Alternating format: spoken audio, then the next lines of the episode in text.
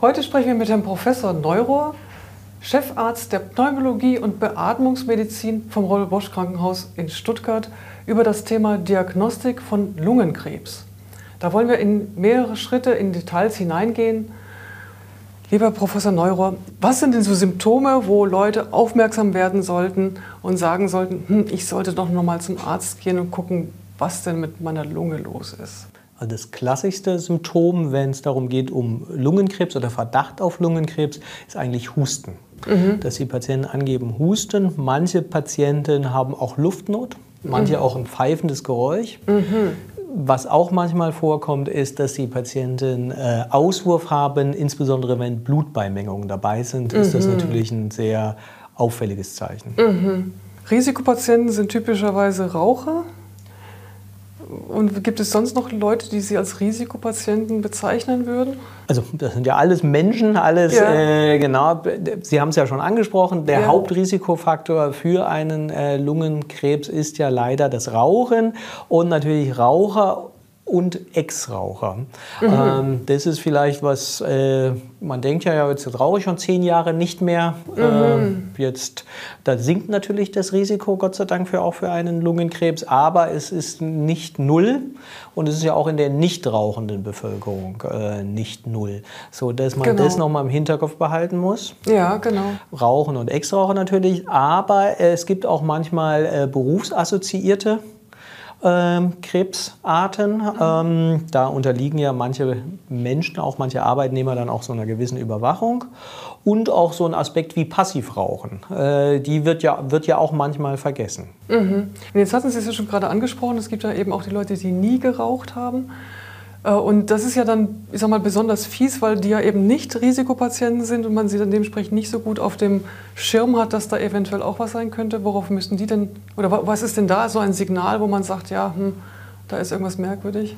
Prinzipiell natürlich nichts anders, aber mhm. es ist natürlich auch dann, sag ich mal, die noch tragischeren Fälle, weil, wie gesagt, hat nie geraucht äh, und äh, in Anführungsstrichen kriegt trotzdem Lungenkrebs. Mhm. Ähm, das ähm, äh, und da ist der Verdachtslevel natürlich geringer, aber die, eigentlich die Symptome und die Situation ist dieselbe, also mhm. die Verdachtsmoment.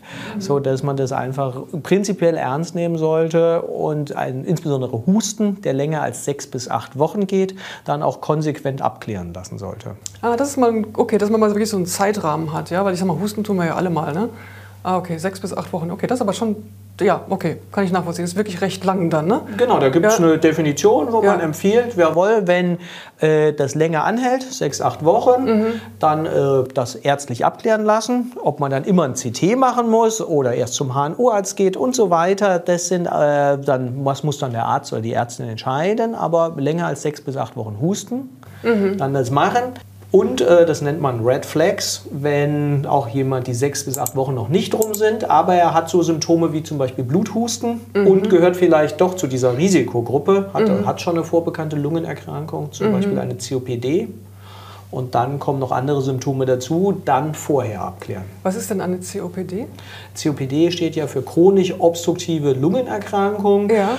Äh, das ist eine Lungenerkrankung, auch leider in der Regel in Deutschland in die Mehrzahl der Fälle durch Rauchen induziert. Es gibt aber auch erbliche Komponenten, äh, wo das Lungengerüst äh, sich angegriffen ist, mhm. zerstört ist, wo man dann auch chronisch Luftnot hat und Husten und man das im CT, also in der Computertomographie der Lunge und in der Lungenfunktionsuntersuchung äh, sieht, dass da eine Einschränkung ist. Mhm. Und jetzt ist ja dann eine ganz, ganz wichtige Frage, wenn jetzt ein Patient oder ein Betroffener so das Gefühl hat, hm, irgendwas ist nicht in Ordnung mit meiner Lunge, auf wen sollte denn als erstes zugehen? Also das deutsche Krankenhaussystem oder das deutsche Gesundheitssystem sieht ja vor, dass natürlich primär man zum Hausarzt oder Hausärztin mhm. geht und die diese Gatekeeper-Funktion haben, mhm. dass die sagen, jawohl, äh, wenn das erst kürzer geht oder es gibt andere offensichtliche Gründe, vielleicht, vielleicht zum Beispiel Asthma oder so weiter oder eine Infektion, Corona oder mhm. Influenza, mhm. äh, dass das halt behandelt oder diagnostiziert wird mhm. oder Sachen im HNO-Bereich.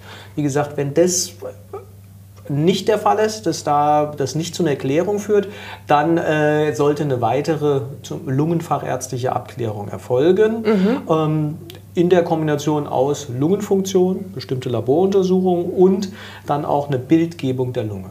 Bildgebung wäre dann eine ganz normale Röntgenaufnahme oder muss man da schon gleich? Das hängt dann sehr von ab, was man denkt, wenn man den Verdacht hat auf einen Lungenkrebs. Mhm. Wenn das, der Verdacht im Raum steht, weil der Patient oder Patientin ein Risikopatient ist, einfach mhm. oder eine von diesen roten Flaggen, Red Flags auftauchen, dann braucht man eine Computertomographie.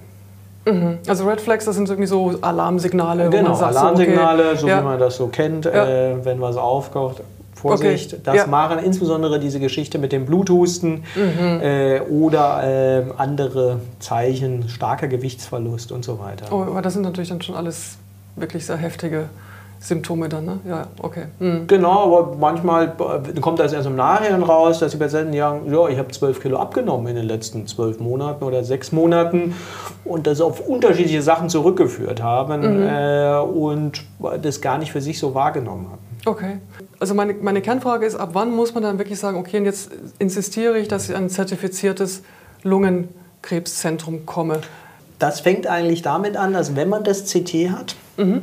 und das CT ist auffällig, mhm. auffällig im Sinne von in der Verdachtsdiagnose oder in der Differentialdiagnose, es könnte ein Lungenkrebs sein, mhm dann empfehlen wir jetzt, äh, dass man dann die weitere Diagnostik und äh, dann die Therapie auch an einem Lungenkrebszentrum macht. Mhm.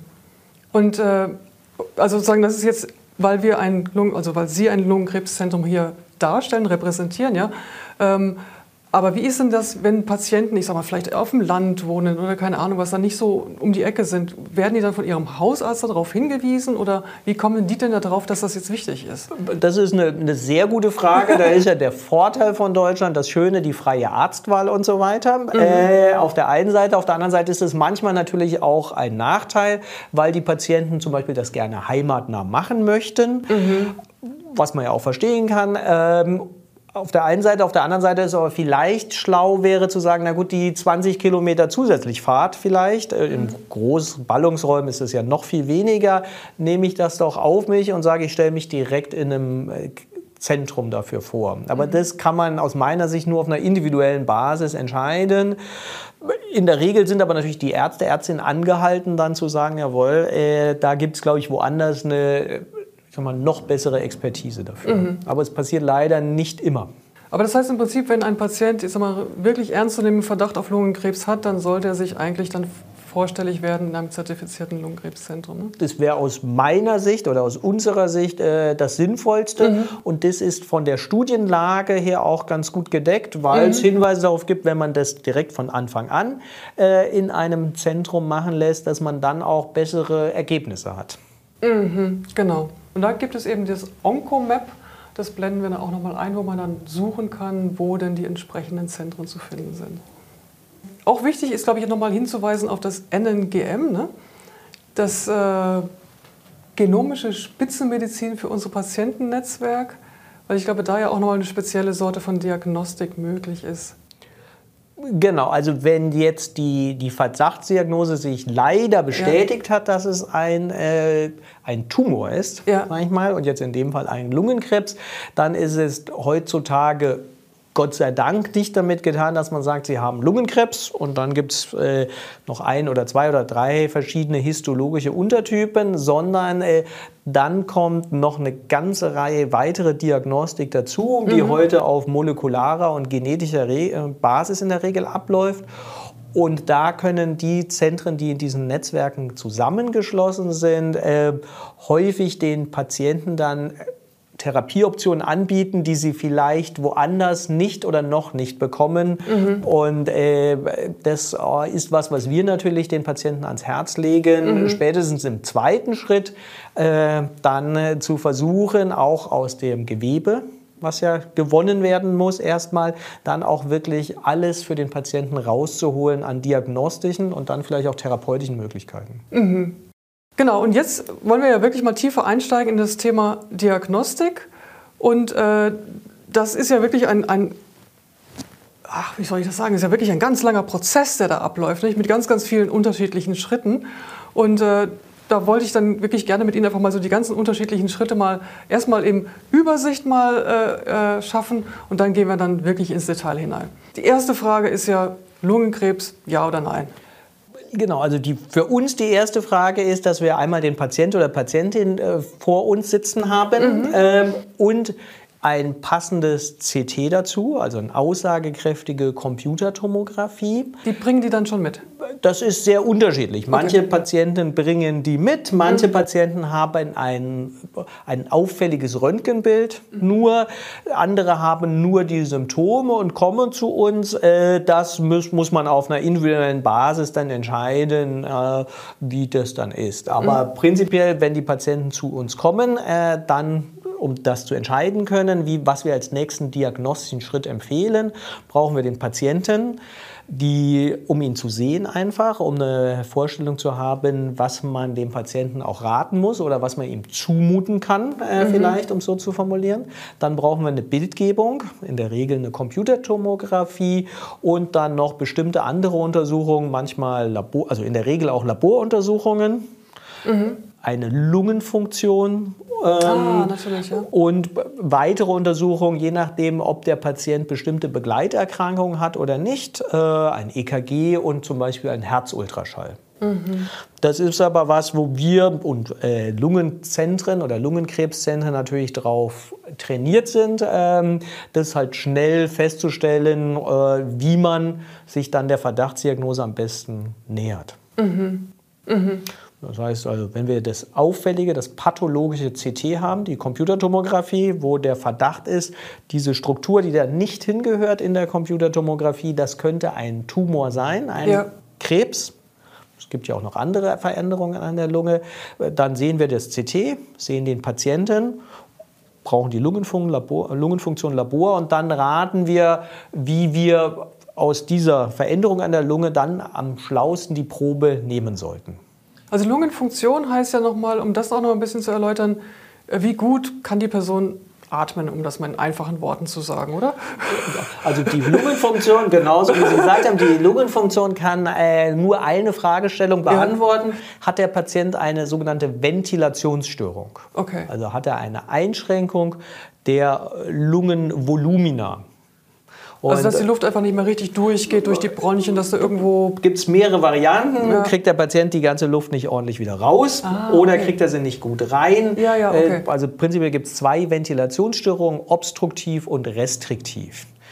Wir brauchen das einfach zur Risikoabschätzung. Also obstruktiv heißt, es geht nicht rein? Obstruktiv heißt, es geht nicht gut raus, weil ah, die Atemwege eng geschönt sind. Und okay. restriktiv heißt, dass die Lunge sich nicht gut ausdehnen kann. Aus welchen ah. Gründen auch immer. Mhm. Okay. Äh, genau. Für mhm. uns ist entscheidend, dass wir, wie gesagt, den Patienten sehen, ihn fragen, auch so ganz banale Fragen, wie viele Stockwerke können Sie denn am Stück gehen? Mhm. Wer gut belastbar ist, äh, dem kann man auch mehr Untersuchungen, zum Beispiel Narkose oder andere Sachen, äh, zumuten zumuten als jemand, der viel gebrechlicher ist und mhm. sagt, jawohl, nach einem halben Stockwerk ist schon Schluss, aus welchen Gründen auch immer. Mhm. Wir sind ja äh, Internisten, das heißt, wir machen dann eine Risikoabschätzung mhm. für den Patienten. Dass man mit der Therapie nicht mehr Schaden anrichtet als Gutes. Und primär auch schon mit der Diagnostik. Es kann ja ah. eine Situation entscheiden, dass man sagt, man hat die Computertomographie. Ja.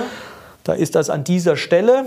Ähm, dann wäre zum Beispiel die, die beste Diagnostik mhm. und vielleicht auch Therapie, zum Beispiel direkt die primäre Operation. Mhm. Wenn man sagt, das sieht eigentlich aus wie ein Tumor, mhm. ist nur an dieser Stelle, das könnte man ja direkt operieren, dann hat man auch direkt eine Diagnostik und vielleicht sogar eine Therapie, also eine, eine kurative Therapie, also einen heilenden Ansatz.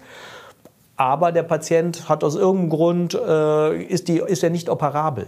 Mhm. Weil er zum Beispiel eine schwere Einschränkung der Herzfunktion hat, eine Herzinsuffizienz. Mhm. Oder eine schwere Einschränkung der Lungenfunktion, wo man sagt, den kann man vielleicht technisch operieren, aber nicht funktionell, weil er von der Lungenfunktion zu krank ist. Mhm. Und dann müssen wir halt versuchen, wie wir das anders rauskriegen, äh, dass wir eine histologische, also eine feingewebliche Diagnose haben. Kommen wir gleich auch nochmal und dann drauf, genau ja. und mhm. dann dem Patienten dem zuführen können. Also deshalb mhm. ist es aus meiner Sicht sehr wichtig, dass der Patient von einem Pneumologen, von einem Lungenfacharzt gesehen mhm. wird, ähm, der halt diese ganzen Aspekte wie ist die Lungenfunktion, wie ist das CT und wie ist der Allgemeinzustand vom Patienten halt äh, zusammenführt und sagt, okay, das wäre der nächste sinnvolle diagnostische Schritt. Und äh, dazu gehört ja dann eben auch nochmal Befall von Lymphknoten zu, anzuschauen und, auch nach Metastasen zu schauen, ist richtig? Genau. Wenn jetzt der klassische Fall ist ja, sage ich mal, dass ein Patient, Patientin länger hustet mhm. oder irgendwelche anderen Beschwerden hat äh, an der Lunge oder hier im Brustbereich und dann eine Computertomographie kriegt mhm. und man dann sagt, hm, das sieht schon sehr verdächtig aus für einen Lungentumor, Lungenkrebs. Wir haben ja die Kollegen von der Radiologie, die Fachärzte dafür, die schreiben das ja rein. Es gibt ja bestimmte Kriterien, wo man sagt, hm, das müsste, könnte schon ein Lungenkrebs sein. Wenn wir das sehen, äh, dann sagen die uns auch schon, ob sie Hinweise haben in der Computertomographie, ob Lymphknoten befallen sind oder nicht. Mhm. Dafür braucht man in der Regel eine, eine Computertomographie mit Kontrastmittel, mhm. mit einer Darstellung der Lymphknoten gibt es dann verschiedene Phasen, äh, die die fahren können, die Radiologen, Radiologinnen, wo man sieht, Lymphknoten betroffen, ja oder nein. Also da gehen wir tatsächlich dann nochmal gleich ins Detail rein, ja, genau. genau. Ja, okay. Mhm, genau. Also das muss man aber auch äh, schon primär, wenn der Patient sich vorstellt, äh, mit in Betracht ziehen. Wenn man das sieht, man ist das in der Lunge, aber man hat zum Beispiel auch Hinweise, dass es vielleicht an einem anderen Lymphknoten schon sitzt. Zum Beispiel hier im Halsbereich. Mhm. Oder, und der wäre sehr leicht zugänglich von außen. Mhm zum Beispiel durch eine Punktion von außen, Ultraschall gesteuert, dann kann man dem Patienten dann vielleicht äh, eine weitere Diagnostik an der Lunge, also eine Lungenspiegelung zum Beispiel, ersparen. Ah, verstehe. Also eine wichtige Frage ist ja auch, welcher Lungenkrebs ist es denn überhaupt? Genau, also die erste Frage ist, ist es wirklich Lungenkrebs? Mhm. Es gibt ja genau. okay. Gott sei Dank, sag ich mal, auch andere Diagnosen, die man mhm. an der Lunge hat, die äh, teilweise genauso unangenehm sind wie Lungenkrebs. Ah, okay. Teilweise nicht so unangenehm, aber ganz anders behandelt werden. Mhm. Das kommt ja auch immer wieder vor, dass primär der Verdacht ist, es ist Lungenkrebs, dann kommt was anderes raus, äh, dann äh, wird es natürlich auch ganz anders behandelt. Mhm. Also erst brauchen wir eine Diagnosesicherung. Ja, Mhm. Und Diagnosesicherung ist dann eben, dass man halt ein bisschen Gewebe. Gewebe feingewebliche ja. Untersuchung. Ja. Und Sie haben gesagt, ein bisschen. Wir brauchen heute äh, so, dass die Pathologen uns sagen, jawohl, das ist genug Gewebe ja. für auch diese ganzen Zusatzuntersuchungen. Richtig. also die Ansprüche der Pathologen sind auch an uns, sag ich mal, äh, sind gestiegen, noch ne? gestiegen. Ja, okay, ich verstehe. Da hat der Herr Professor Kopp uns beim letzten Film darauf hingewiesen, dass dann manchmal nur gesundes Gewebe rauskommt und dann natürlich der Pathologe sagt, was soll ich damit? Ja. Genau, ja. das ist ja. Äh, eine Situation, die manchmal dann für uns und den Patienten natürlich frustrierend ist. Ja, und dann gibt es eben noch diesen Schritt, dass man dieses, sozusagen das Gesamtbild zusammensetzt. Ähm, ich glaube, das wird dann Staging oder Klassifikation genannt. Genau, das ist diese TNM-Klassifikation. Mhm. Also wir wollen wissen, wo der Tumor sitzt, der Primarius oder mhm. der primäre Herd. Mhm zum Beispiel in der Lunge. Äh, mhm. dann wollen da das kriegen wir dann beschrieben, auch von den Radiologen dann oder später dann von den Pathologen, wie groß der ist, welche mhm. Ausdehnung der hat ob er die Brustwand befällt, ob er das Zwerchfell befällt, ob er irgendwelche anderen Strukturen, zum Beispiel zum Herzen hin, äh, befällt oder wie weit er an dem Baum der Atemwege, dem tracheal-bronchialen System entlang wächst, also nach wie zentral. Das wollen wir wissen. Mhm. Dann wollen wir wissen, sind Lymphknoten betroffen? Gibt es Lymphknotenstationen an der Lunge, mhm. äh, die wir dann auch stagen, äh, also rauskriegen, welche Lymphknoten sind betroffen und welche nicht in Kombination mit der Bildgebung.